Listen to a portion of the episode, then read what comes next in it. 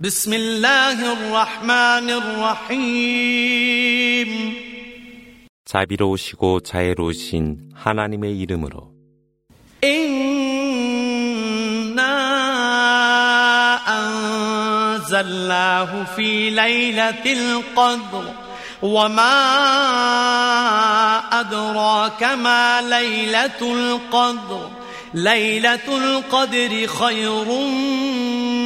من ألف شهر تنزل الملائكة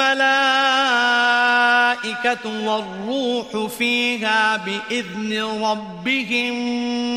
من كل أمر سلام هي حتى مطلع الفجر 선실로 하나님은 거룩한 밤에 이 계시를 내리나니